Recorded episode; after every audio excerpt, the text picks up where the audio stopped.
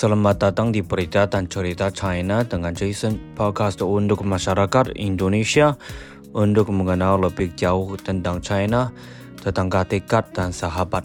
Berita utama hari ini termasuk PDB China tumbuh 5,2 persen pada tahun 2023, lambaui target tahunan.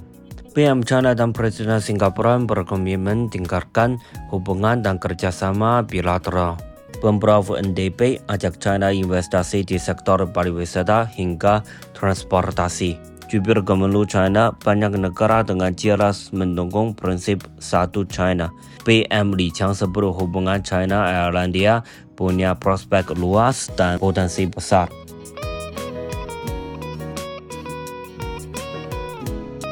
PDB China tumbuh 5,2 persen pada tahun 2023 lambaui target tahunan.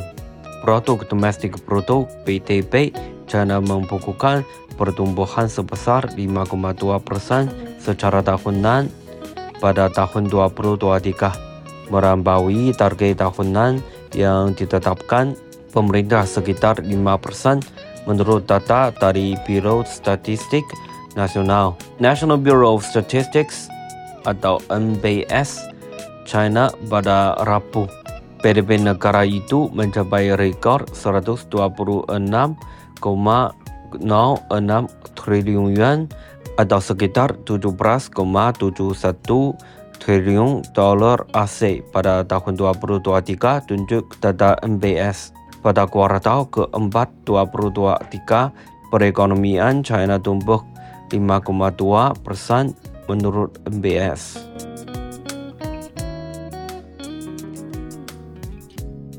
PM China dan Presiden Singapura berkomitmen tingkatkan hubungan dan kerjasama bilateral.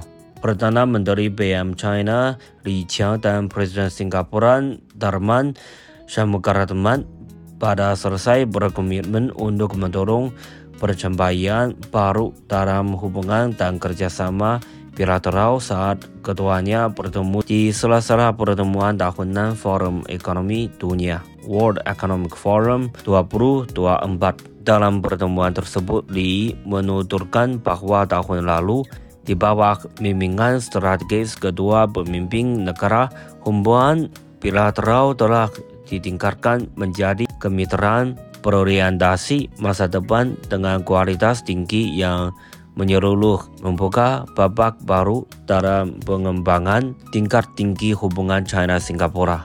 Sementara itu, Li mengatakan bahawa China siap bekerjasama dengan Singapura untuk mengimplementasikan konsensus banding yang telah dicapai oleh kedua pemimpin negara, mempertahankan rasa saling percaya strategis tingkat tinggi, memperluas kerjasama yang saling menguntungkan secara menyeluruh dan meningkatkan pertukaran pengalaman di berbagai bidang guna mendorong pencapaian baru dalam hubungan dan kerjasama bilateral. Li juga menegaskan bahawa China bersedia kerjasama dengan Singapura untuk memanfaatkan secara penuh efektivitas meningkatkan perjanjian perdagangan bebas bilateral, mendorong meningkatkan kerjasama bilateral serta menciptakan pencapaian kerjasama baru di sektor perdagangan dan investasi, konektivitas, keuangan dan berbagai bidang lainnya.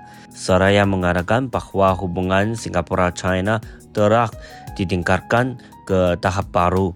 Syamukara 6 menuturkan negaranya sangat mengutamakan hubungan bilateral dan siap untuk memperdalam dialog dan komunikasi dengan China di berbagai bidang serta memperkuat kerjasama di berbagai sektor seperti keuangan, ekonomi digital dan transformasi hijau sehingga dapat mendorong pengembangan hubungan bilateral yang berkelanjutan. Syamkara 6 mengatakan Singapura berpegang teguh pada prinsip satu China dan dengan tegas menentang setiap pernyataan atau tindakan yang mendukung kemerdekaan Taiwan. Seraya menambahkan bahawa posisi Singapura dalam masalah Taiwan tetap tidak berubah.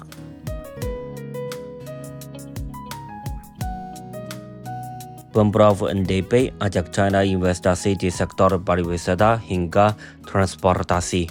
pemerintah provinsi Pemprov Nusa Tenggara Barat NDP mengajak pemerintah China untuk berinvestasi di berbagai sektor mulai dari pariwisata hingga transportasi sehingga provinsi di Indonesia Timur itu diharapkan dapat lebih maju dan berkembang di masa mendatang. Penawaran peluang kerjasama ini dilakukan dalam pertemuan antara penjabat gubernur NTB lalu kita Ariati dan Kongsu Jenderal China di Tempasar Zhu Xinglong pada awal pekan ini di kota Mataram. Dalam pertemuan tersebut lalu menawarkan peluang investasi di empat sektor yaitu pariwisata, pertanian, pertambangan dan transportasi. Pemprov NTB mengharapkan makin banyak pabrik industri pengolahan yang dibangun di NTB sehingga akan ada penyerapan tenaga kerja lokal dan transfer pengetahuan secara bertahap.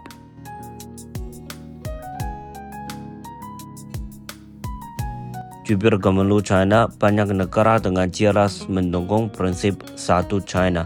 Sejak 13 Januari, negara-negara dan organisasi internasional telah secara terbuka menegaskan kembali komitmen mereka terhadap prinsip satu China, dukungan kuat terhadap upaya China dalam menegakkan kedaulatan nasional dan integritas teritorial, penentangan terhadap segala bentuk kemerdekaan Taiwan dan menyatakan dukungan bagi reunifikasi China. Demikian disampaikan juru bicara Kementerian Luar Negeri Kemenlu China Mao Ning pada Selasa.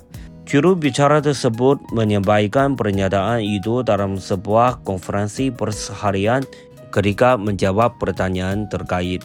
Kami yakin bahawa masyarakat internasional akan terus sesuai dengan prinsip satu China mendukung perjuangan rakyat China dalam menentang aktivitas separatis kemerdekaan Taiwan dan berupaya mewujudkan reunifikasi nasional tanpa mau.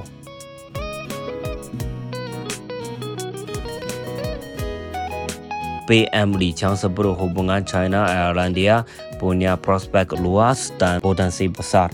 Hubungan dan kerjasama antara China dan Irlandia memiliki prospek yang luas dan potensi yang besar. Demikian disampaikan Perdana Menteri PM China Li Qiang di Dublin, Irlandia pada Selasa.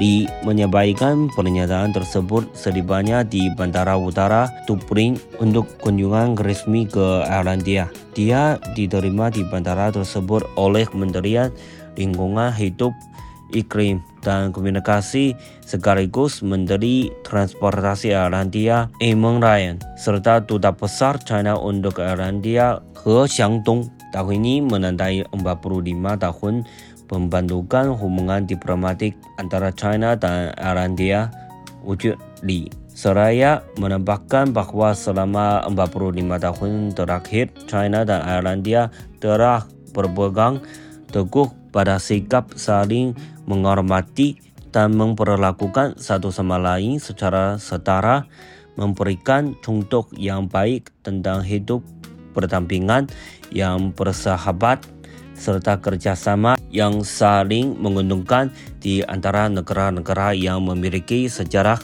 budaya dan sistem politik yang berbeda terutama dalam beberapa tahun terakhir di bawah bantuan strategis dan dukungan bersama dari kedua kepala negara.